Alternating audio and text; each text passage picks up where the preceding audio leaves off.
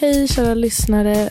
Vi ska den här veckan um, sända ett avsnitt som vanligt. Men det kommer vara ett uh, lite äldre avsnitt som vi spel, uh, spelade in i januari tror jag att det var. För när du, du fortfarande ska... var höggravid. Och... Exakt, för du har nu förlustat i, i Grekland. Exakt. Så vi ville bara förvarna om det låter lite daterat och Poka pratar om att hon är gravid igen. Det är, liksom, det är inte det är om igen. om du hör förlåset då är det på grund av att Poka var väldigt höggravid. Och avsnittet handlar om positiva förlossningsberättelser som har blivit inskickade till oss och som vi läser upp och gråter och skrattar till. Tror jag, kommer inte ens ihåg.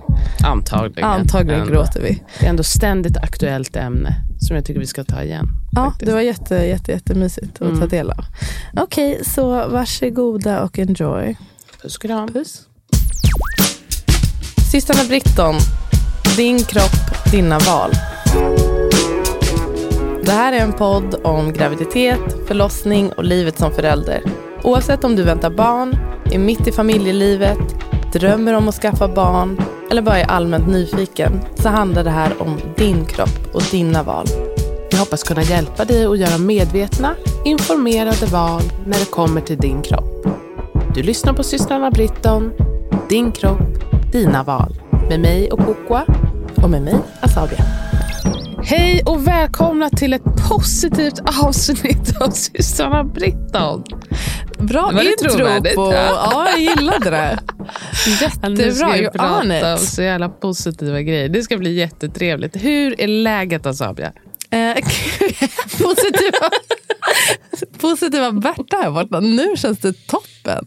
Ja, du, du smittade av mig. Är det, är det falskt? Eller är Nej, det jag känner mig peppad. Det ska bli jättekul att prata om de här eh, några roliga och liksom några bara jättepositiva. Och nu, nu har du teasat lite. Ska vi berätta vad vi ska prata om idag? Vi ska prata om positiva förlossningsupplevelser. Vi har bett om att få in Födslar. några berättelser.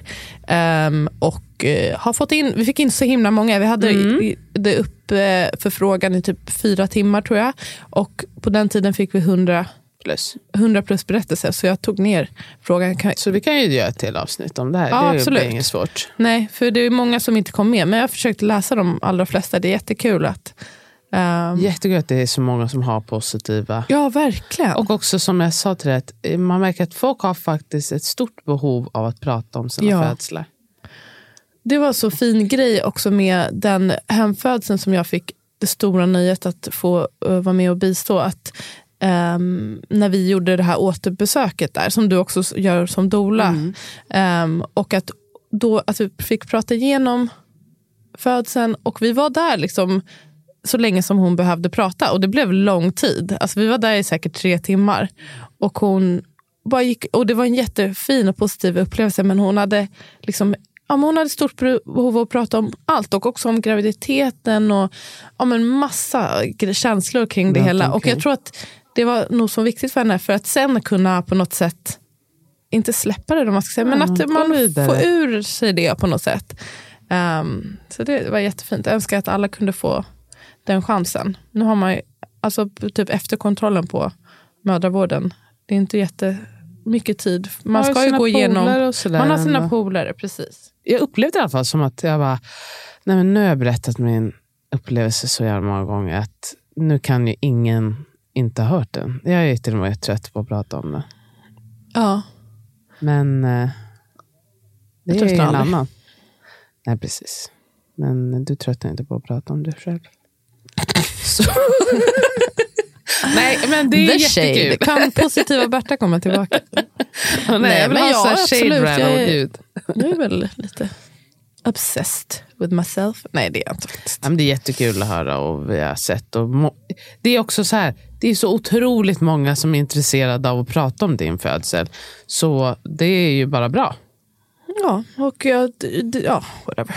Ja, jag kan också absolut trötta. Men eh, det, den, i alla fall min, ja, men de är ju två stora upplevelser i mitt liv och jag tror att för precis. många är det två stora upplevelser. Oavsett om det är bra. Liksom, Har ni en positiv upplevelse, prata om den med folk. Det är väl kontentan av det hela. Ja.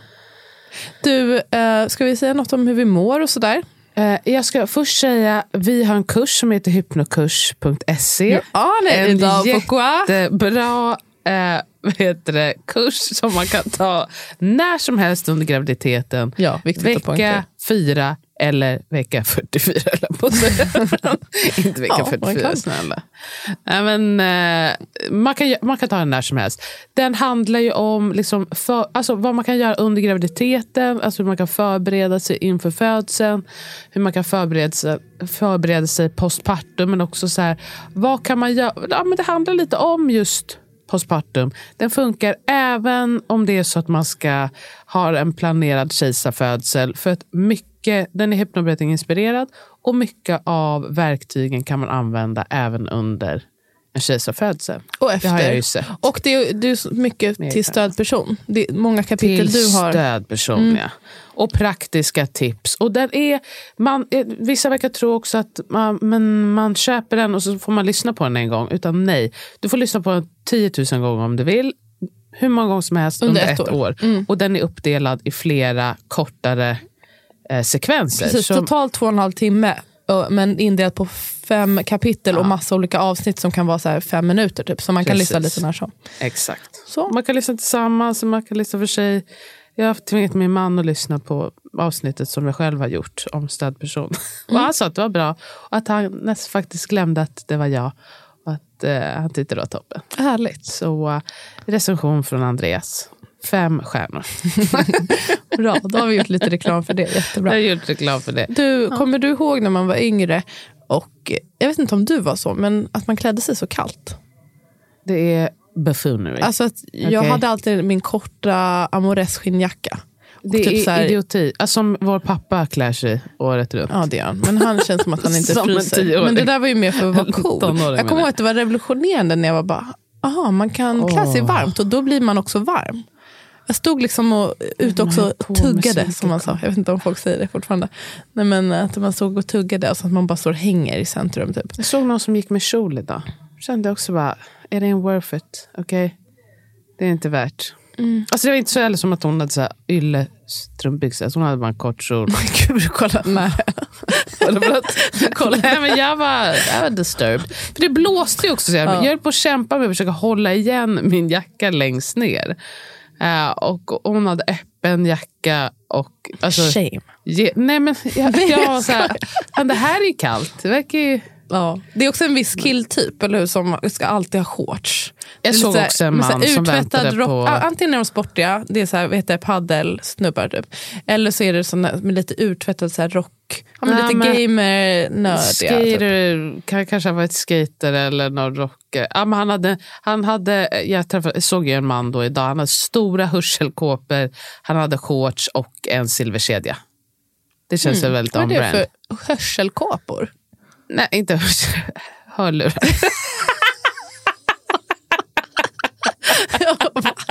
ja, det är Amat. vi ska ju börja med det hemma har vi tänkt. Det är så jävla högt.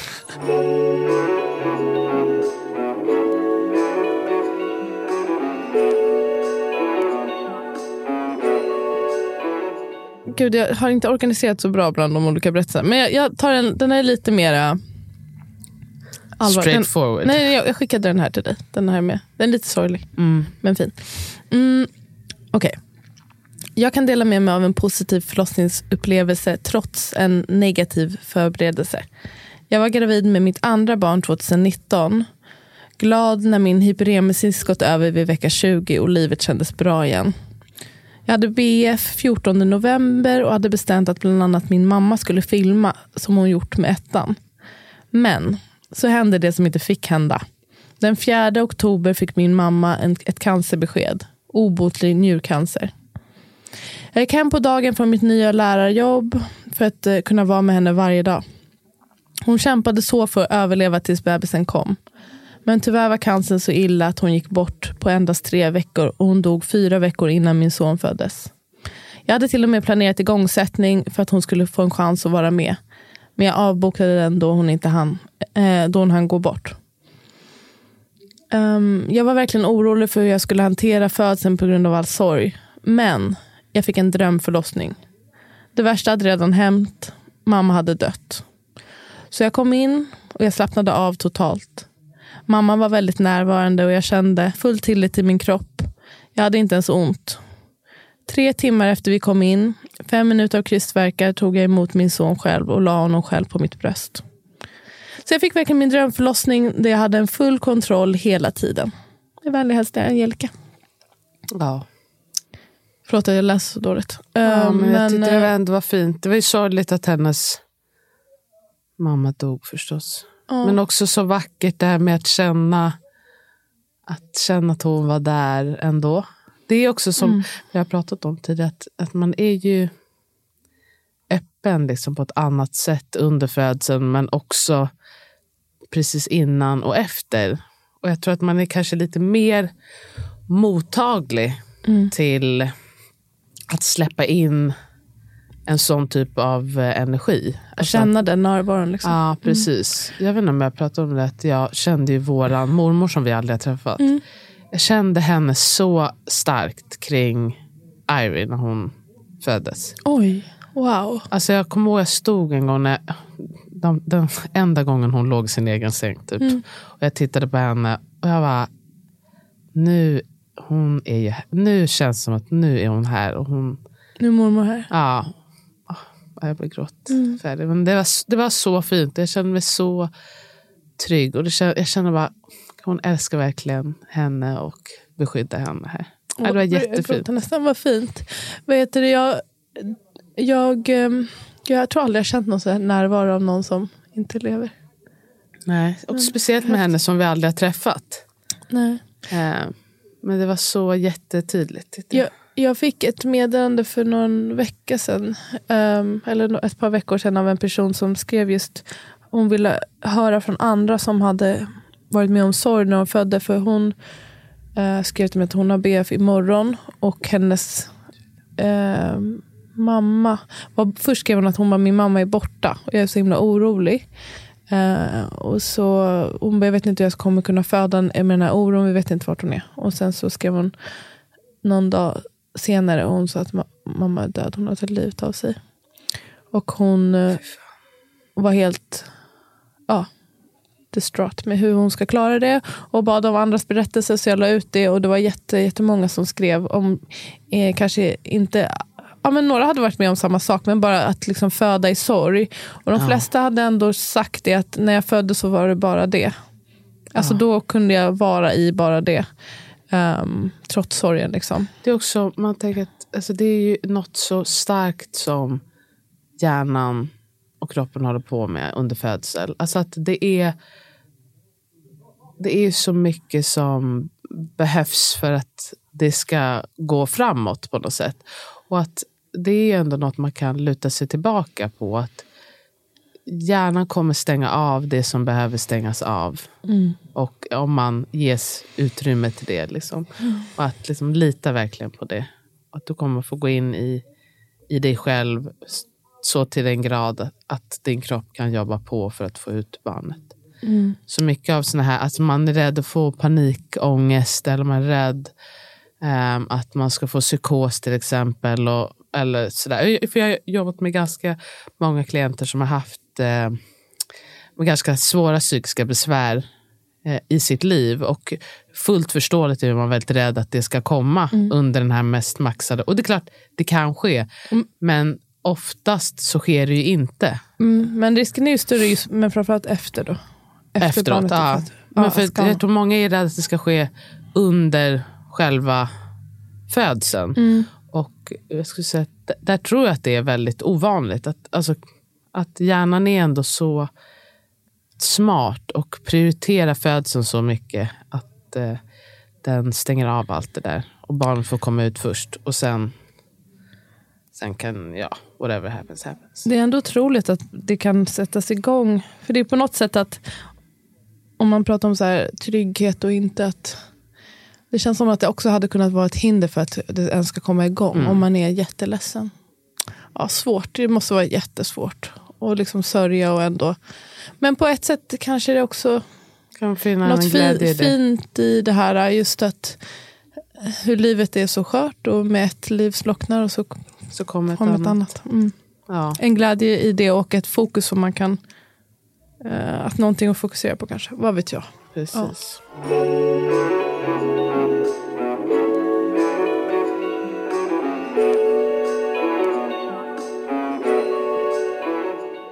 Okej, då. Eh, jag var så övertygad att jag skulle gå långt över tiden när jag vaknade 16 dagar före BF och det sipprade lite fostervatten. Då stängdes allt vett och sans av och jag intygade mig själv att det inte var något att bry sig om. Jag la i en binda för säkerhets skull och promenerade de tre kilometrarna till jobbet. Jag skulle inte föda en på fyra veckor. På promenaden dit tänkte jag ändå på att jag hade en del förverkar, men det hade jag haft ett tag. Efter en timme på jobbet insåg jag att jag nog borde åka hem ändå och ringa förlossningen för en koll. Fick en tid för kontroll på SÖS några timmar senare.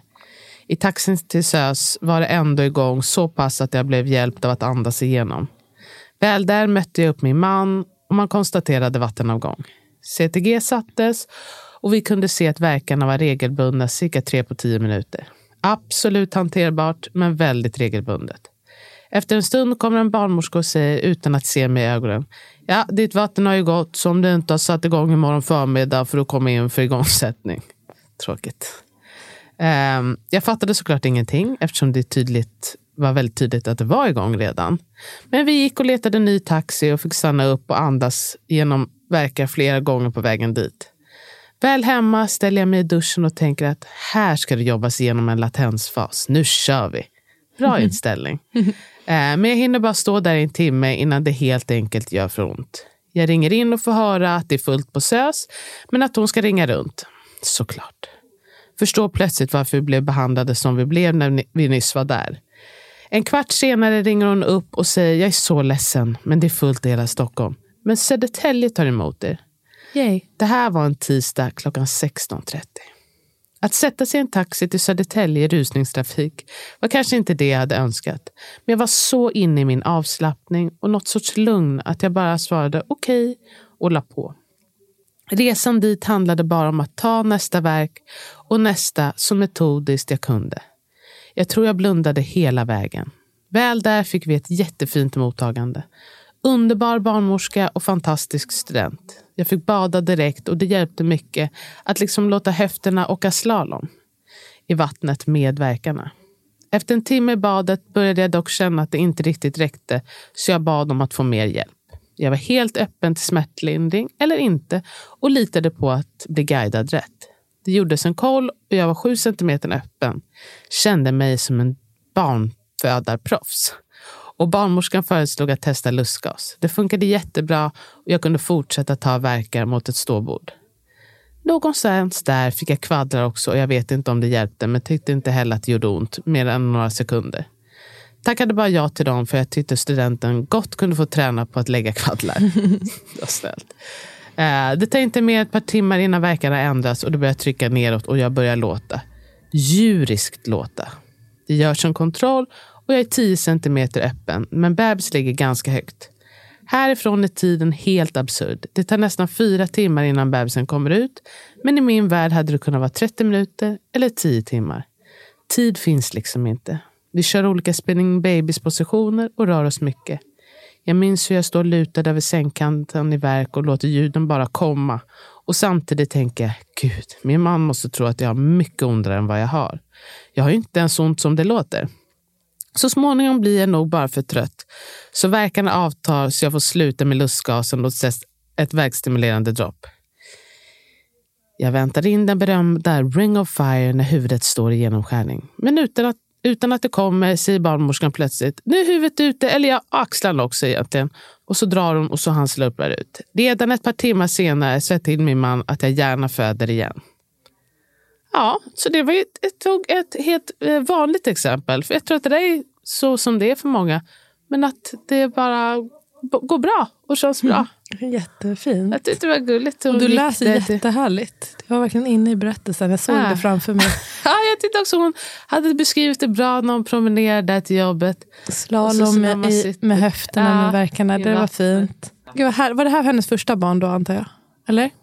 Det jag faktiskt kollade jag inte. Det jag tänkte bara för att det tog lite tid att den, för den att tränga ner. Men det var härligt. Ja, att... Precis, det var ju det. Jag tyckte också var att eh, fyra timmar, det är inte så ovanligt. Nej, alltså man är öppen nej. helt och att det tar fyra timmar.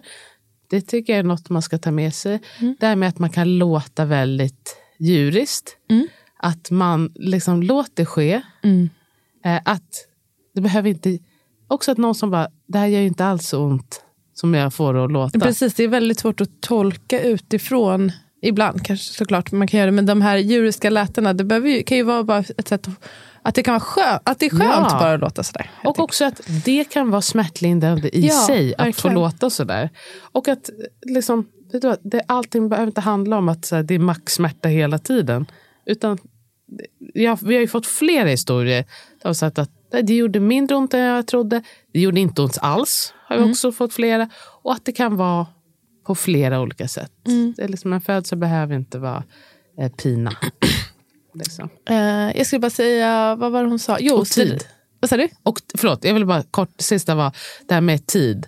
Att det är Ja. någonting som man oftast alla i rummet, i alla fall om man är i rummet kontinuerligt, att man påverkas av att man säger att ah, men, ah, gud, jag var på sjukhus i 12 timmar. Och så tycker man att det är jättemycket, men 12 timmar kan kännas som, kanske inte 12 minuter, men det kan kännas som två timmar.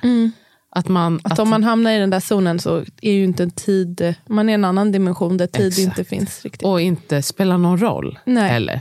Och ibland kan en kvart kännas som 15 timmar, men nästa kvart känns som 15 sekunder. Och lustgas kan också förhöja den grejen med att man kan få tappa konceptet om tiden. Och att det här kan påverka alltså partner och dola också. Ja, det var det jag skulle säga. Ehm, jag tänkte bara på sterila kvaddlar, om folk inte vet vad det är. Ja, just det.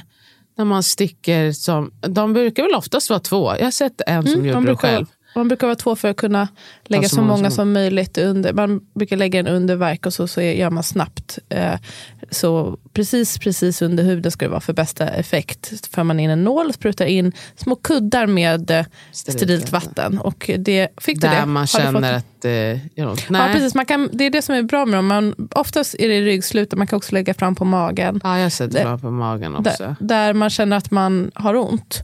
Och så varar det, det ger ehm, en in- endorfinfrisättning, men det är först ganska ont att få dem. Ja. Men sen så liksom slås kroppens naturliga endorfinfrisättning på, så man blir smärtlindad på det området. Men det kräver ofta att man dels gör det rätt, det måste vara precis under huden, liksom, och att ehm, man får in ganska många såna här kuddar. Men Ja. vissa tycker att det här gör jätteont. Jag tycker man måste varna för att det kommer liksom, det gör ont men det brukar vara ungefär 30 sekunder. Så Ja. då kanske man kan härda ut. Och, man får, och så när man säger sluta, då slutar de ju också. Ja Det är inte precis. som att någon bara... Och då brukar fler. det avta ganska Ja. snabbt. Jag tyckte det funkade ehm, väldigt bra men det gör ju ont Och att det är få. någon som tycker ju att det är helt ljuvligt. Mm. Verkligen. Det har ju bad rep. Men Ja, det är verkligen två läger där. Vissa Mm. love it, love it hate it.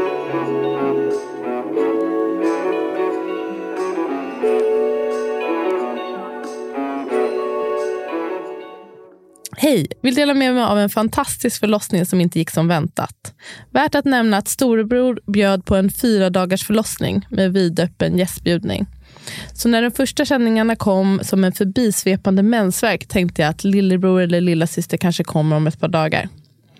Jag hade tagit en online gravid yogakurs och detaljstuderat Asabis Instagramkonto.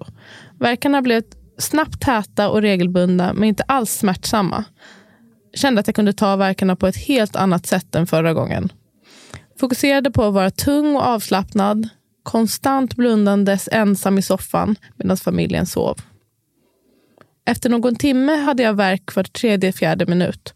Fortfarande inte speciellt smärtsamma, men när verk, Verktimer-appen skickade den sjunde pushnotisen att åka in, ja, då ringde jag till förlossningskoordinatorn för att stämma av. Jag sa som det var att det inte var speciellt smärtsamma, men att jag ville stämma av med tanke på att verkarna kom så pass tätt. Hon sa, sluta klocka verkarna. Det ska göra betydligt ondare än så här. Du kommer känna när du ska åka in. Ta en Alvedon och ta en dusch. Gjorde som hon sa och i duschen tilltog verkarna en del och det började stråla ner i benen. Fortsatte att vara tung och avslappnad samtidigt som jag ljudade dovt ja och ner. Och då kom krystvärkarna. Med storebror fick jag tidig krystimpuls på 4 centimeter. Så behöll fortfarande lugnet och tänkte att jag är väl bara en person som får tidig krystkänning. Väckte min sambo och bad honom hämta bilen i garaget samtidigt som jag ringde min syster och bad henne ta en taxi hit för att passa storebror. Gick ut i vardagsrummet och började smörja in mig Frågetecken, utropstecken, avskrivs.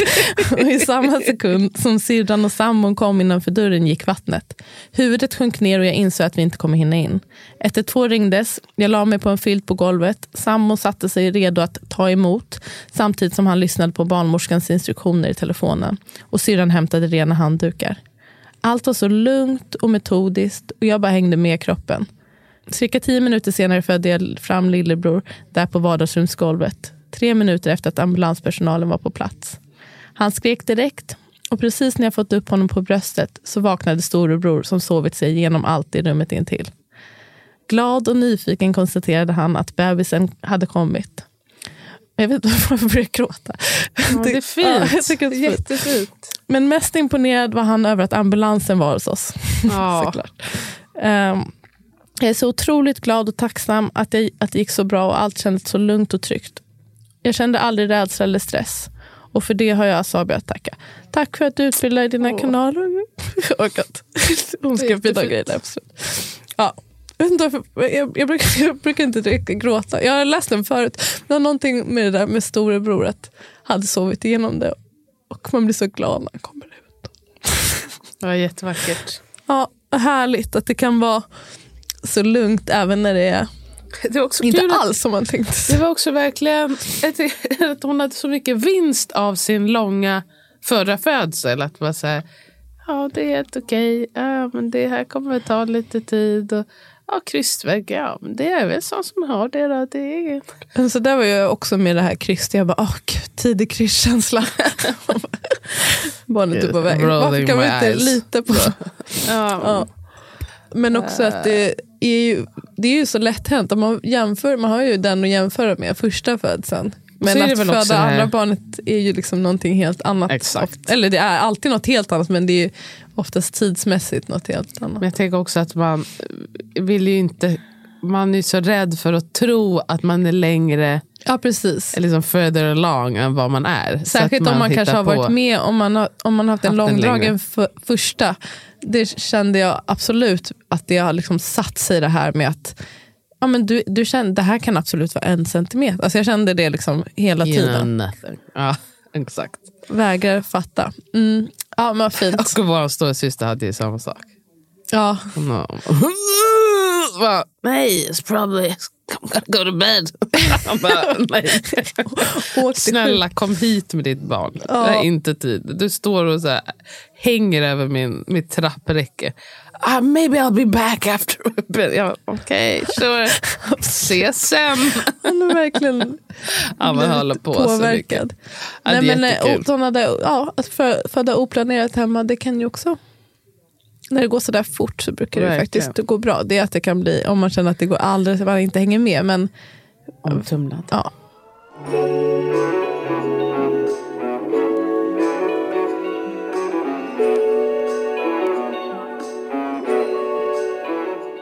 Det blev inte som det skulle, men klockan 05.00 vaknade lite besviken som vanligt att inget hade hänt. Där kände jag igen mig så jävla mycket i två veckor att jag vaknade och bara, still nothing. Okej, okay, absolut. Mm. Klockan två.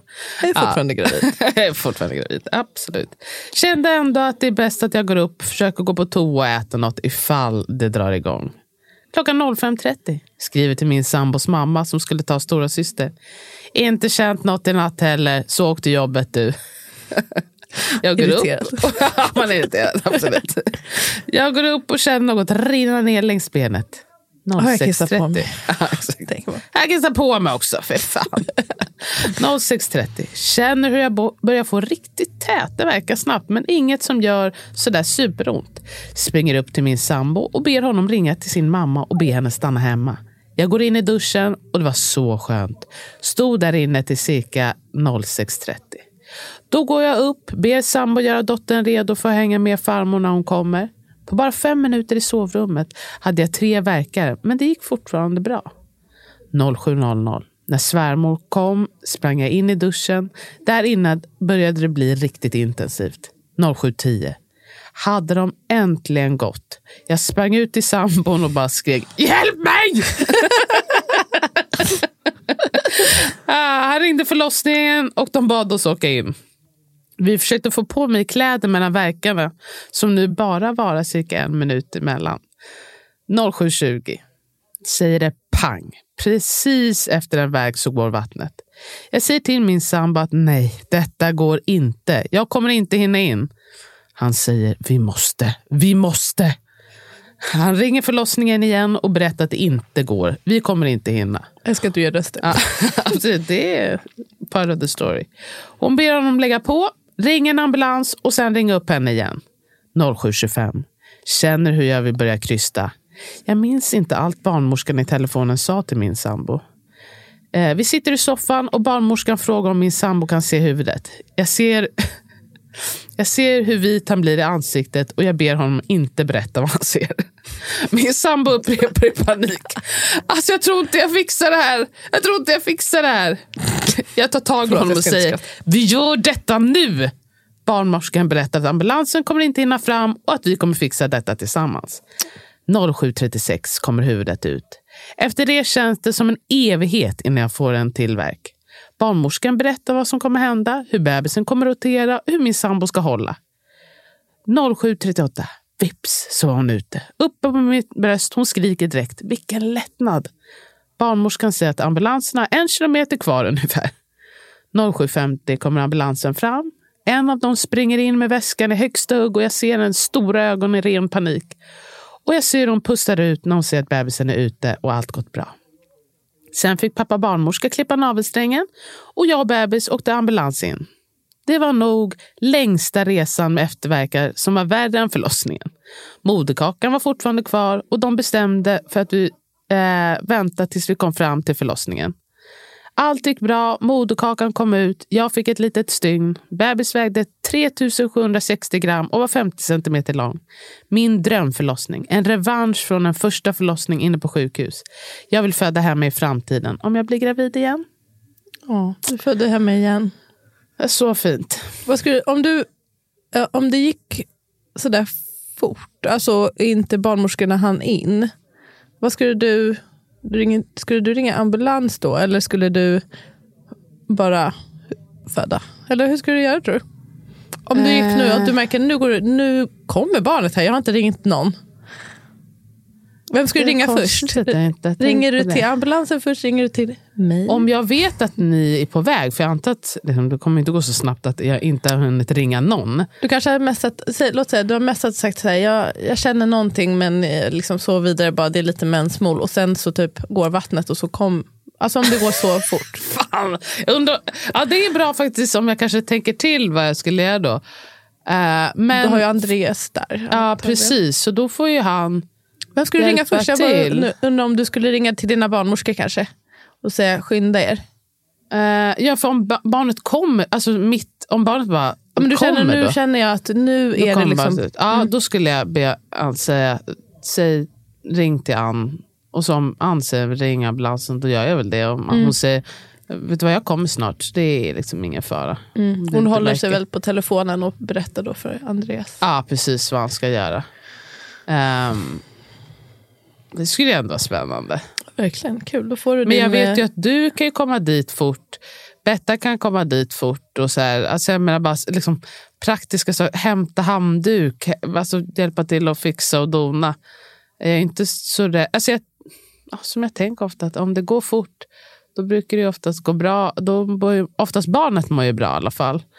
Eh, mm. Uh, och sen så är det väl bra om någon kollar att det inte blöder så mycket. eller någonting om det går supersnabbt och man inte har någon där, då, precis, då har man ju någon barnmorska på telefon som kan hjälpa. Ja. Men att man bara tänker på att dels att barnet kan vara lite halt när den kommer ut, så man tar den.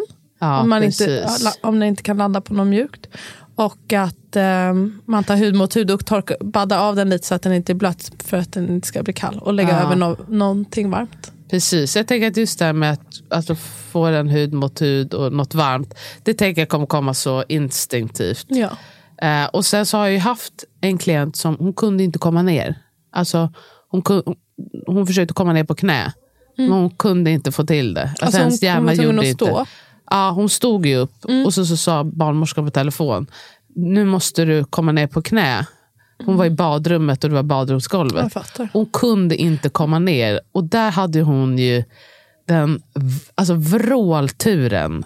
För att hennes man var med deras son. Ja, Och så kom ju ambulansen, såg huvudet ute mellan hennes ben. Han hade ju bara sprungit och lyckats fånga okej. bebisen. Man kan ju också, om man står, eh, Hade kan man ju ta emot. Ja, eller, men, hon om sa man, att hon hennes kropp var bara som alltså förfryst. Mm, jag fattar.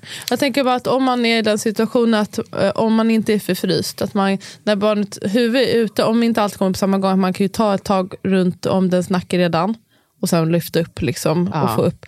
Som, ja. Jag tror också att, alltså, eh, jag inte, hon var ju, var ju mer orolig att eh, alltså hennes eh, barn inte skulle ha någon att vara med. Jag är ju inte så orolig, alltså, då hade jag ju bara sagt Andreas, nu, du får vara här. Tippa mig om det så ska vara, eller så får du ta emot den om jag inte kan komma ner alltså på knä eller på sidan eller någonting. Utan då får du bara ta emot. Han, har ju tagit, han tog ju emot vår dotter. Och det gick ju bra. Det är inget svårt. Alltså, precis. Då kan man bara... Men det är ju halt. Ja, ja. Jag tänker att det är väl bra att veta att det är mega slippery. Mm, det, Men jag tror att han skulle säkert... Vet du vad, jag tror att Andreas skulle njuta. ja, han hade älskat det. Ja. Vad heter det? Med, när det går superfort, då kan de... Man brukar säga på sjukhusen, då ger man ju barnen en minut på sig i alla fall. Innan man tar första Apgar-bedömningen. Så en minut att vara helt tyst, att de inte börjar gråta eller så, är helt fine. Det kan ju kännas som en jättelång min- minut. Eh, Men, så det kan man väl bra veta. Men när det går sådär fort, ibland så har de lite svårt, alltså att det kan ha gått superfort så att det kan vara svårt för lungorna att expandera och så. Så man kanske behöver Massera killa lite, lite. på ryggen. Och om det ändå inte går och man märker att det är mycket slem och så att man kan ha dem upp och, och ner i dränageläge och så gnugga på ryggen. Ja, precis. Jag antar att, alltså som sagt, att... För jag, jag tänker också att det skulle vara rimligare att ringa till Ann än ambulansen för att hon har mer erfarenhet Precis. av det här än vad Och ambulanspersonal hon har. kan ju då också ringa, för om man ringer till förlossningen då brukar man ju få prata med en barnmorska och de ringer ambulansen då. Så att man, det är bättre att prata med en barnmorska Ja. på förlossningen eller barn, om man har en hembarnmorska. Eh, och så, så fixar de med ambulans. Precis.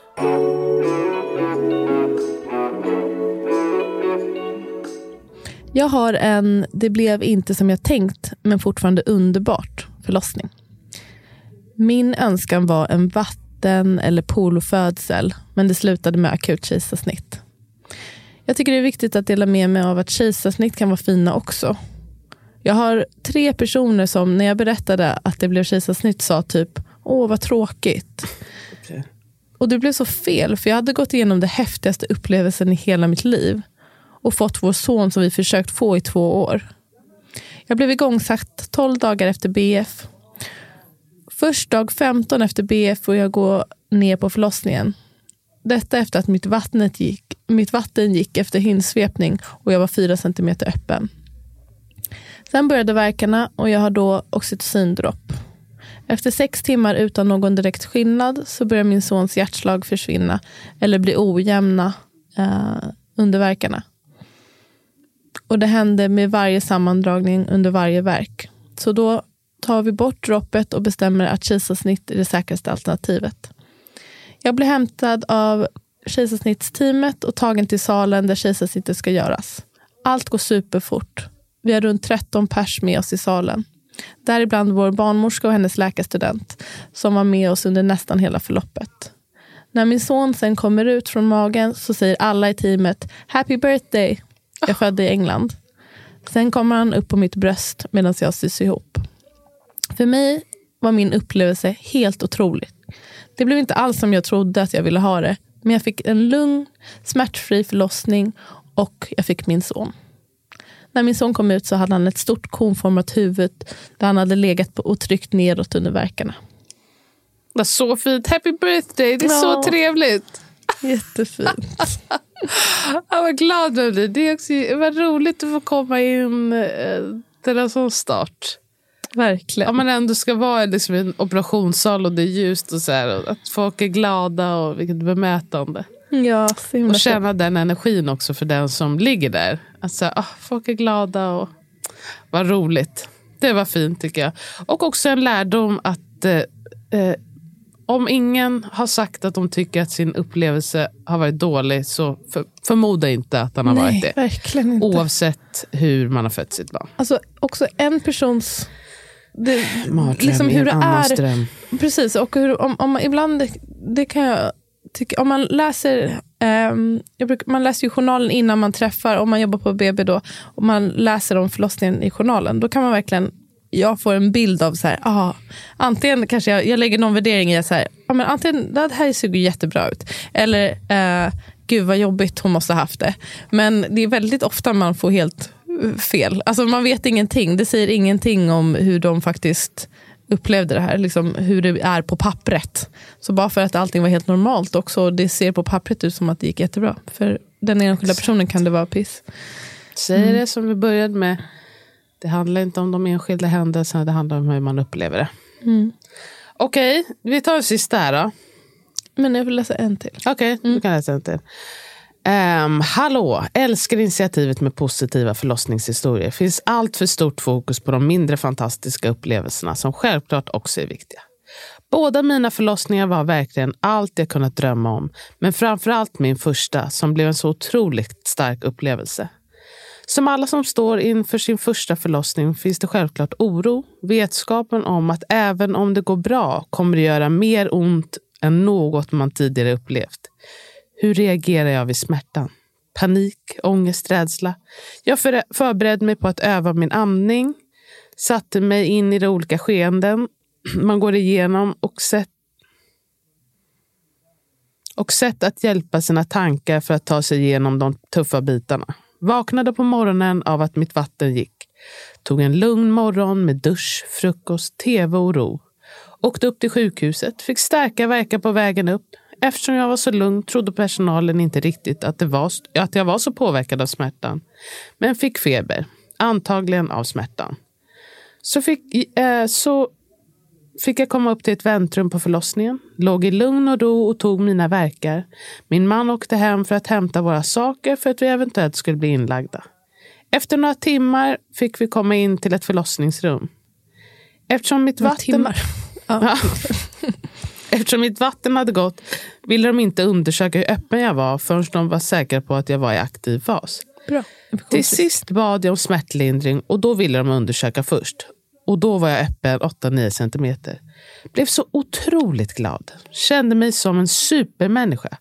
Fick min lustgas och tog mig igen ett utdraget förlopp med krystverkar.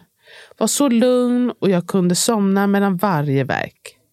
Vid flera tillfällen grät jag av lycka och sa Åh, vad bra det här är. Det här går ju så bra. Alltså, det är så jävla fint. Alltså. Till sist kom min första dotter. Världens finaste unge. Och jag kände mig verkligen så lycklig. Stark, som att jag var gjord för att föda. Kunde inte varit mer nöjd.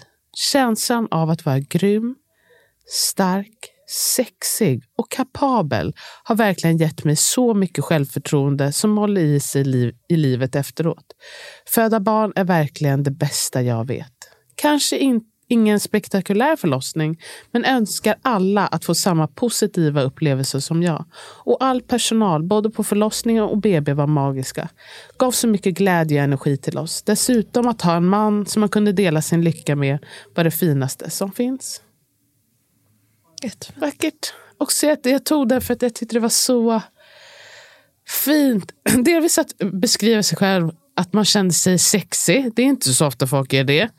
Eh, och att liksom bara att, fan vad jag är så jävla grym. Gud, kolla vad jag...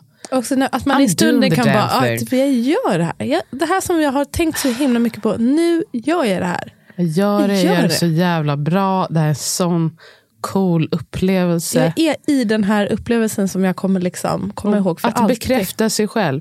På min meditation idag så var det liksom uppgiften. Alltså att, en, eh, att just bekräfta sig själv. Att man söker ju så mycket bekräftelse hos andra. Men att komma ihåg att också bekräfta dig själv. Att fan, det här gör du jättebra. Fan, det är så grym. Det är jätteviktigt och man kan känna sig lite larvig ibland, men det är ändå så fint. Mm. Eh, jag tyckte det var vackert. Okej att känna sig larvig också. Gud. Um, Okej, sista bästa. vi tar... Nej, jag ja. jo, den är jättebra. Jag tänkte men- säga, det, nej, vi, Nej, jag men vi tar sista. Vi har så många fina. Jag, jag plockade bara en här, men jag tycker den här är väldigt fin. Jättebra. Jag födde barn i Frankrike på en liten klinik i en liten by. Jag hade en barnmorska med mig nästan hela tiden. Hon hjälpte mig att andas och därför behövde jag inte någon smärtlindring. Jag minns henne dessutom som den vackraste kvinna jag någonsin har sett. Oh, Gud, det hjälper faktiskt. Vet inte om jag hade tyckt det om jag hade sett henne utanför kliniken. Men det var nog för att hon var så närvarande och hjälpsam. Mina ljud ändrades och hon visste direkt att det var dags. När vi sen kom in till förlossningssalen trodde jag att vi hade hamnat i paradiset. Allt var vitt och badade i solljus. Där fanns även en gynekolog, och en undersköterska och en student. Jag hade krystvärk i en halvtimme och den smärtan minns jag än idag som den värsta jag någonsin.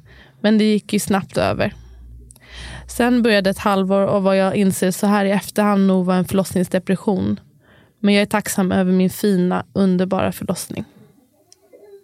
Det lät ju jätteljuvligt. Det var så fint att hon... Det här också att man har det här oxytocinruset så att det har nog på, påverkat nog att hon tyckte att den här personen var så, Så vacker. otroligt vacker. Jag tycker det lät också så underbart. Och också bara så här, gud, Franska det här, lilla byn. Och typ. franska lilla byn och att man kommer in i det här rummet och bara, åh, det här är ett paradis. Ja. Solen skiner. Nej, men alltså, det är så vackert ju. Och också tänka så här, det vackra i att ha kontinuerligt stöd. Mm. Att få ha någon som är där, att bara säga jag vet att du är här med mig och vi ser varandra. Det känns så, vi liksom bär varandra genom det här. Och man hör att det är en barnmorska som har fått möjligheten att vara närvarande och se nyanser i att ja, men bara på det här ljudet, jag behöver inte undersöka det någonting, jag hör det nu, att nu Nu är det dags. Mm. Ja, vad härligt. Jag, vet inte, jag var Eh, så blödig där. Grät på Ja, alla det, var, det är ju så vackert. Det här kommer vi absolut göra igen. För det, Jag har det jättemånga ju- historier. Alltså, ja, och jag, menar, jag tycker också att eh, det, var så, det är fint att få läsa så blandad kompott. För vi hade ju några som bara, det var min dröm, det gjorde inte ont alls, det var så vackert, allt var toppen. Och det är, jätte, det är underbart att få läsa dem. Men lika underbart att få läsa bara, alltså, vad ska man säga, lite toppar och dalar. Där det bara är ganska, alltså, som jag i min erfarenhet känner så här, det här är ganska standard, så här ser det ut. Och att ganska standard oftast är ganska positivt. Ja, Liksom. verkligen. Och också att man Eller kan visa att positivt. vissa, ja, men, ja, det gjorde ont, och, men det var ändå underbart. Exakt. Jag hade en som jag hade tänkt läsa, men jag hittade inte den. Men att hon var så här, jag skulle föda utan, vad sa hon? Utan läkemedel. Och, det hade två krav. Jag ville, jag ville inte ha något medicinsk smärtlindring och jag ville inte föda på rygg. Hon bara, såklart tog jag all them drugs och jag födde gynläge på rygg. Men hon tyckte att det var Det en fantastisk eh, förlossning. Ja, Jag, ska, jag kan Det är så nästa. jäkla återkommande. Och sugklocka tror jag att det blev. Hon tyckte att det gick jättebra. Att man, man vet inte vad som är det bästa alternativet. Nej. Och som sagt, jag, jag som alla vet vid det här laget, att jag är ett stort eh, liksom, eh, fan av att preppa och att förbereda sig och att visualisera.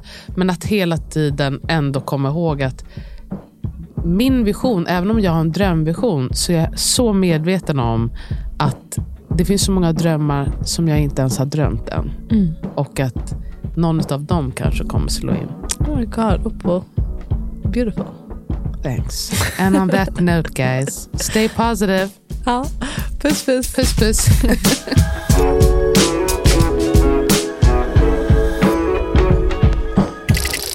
Du har lyssnat på en podcast producerad av Ami och Fanna Produktion.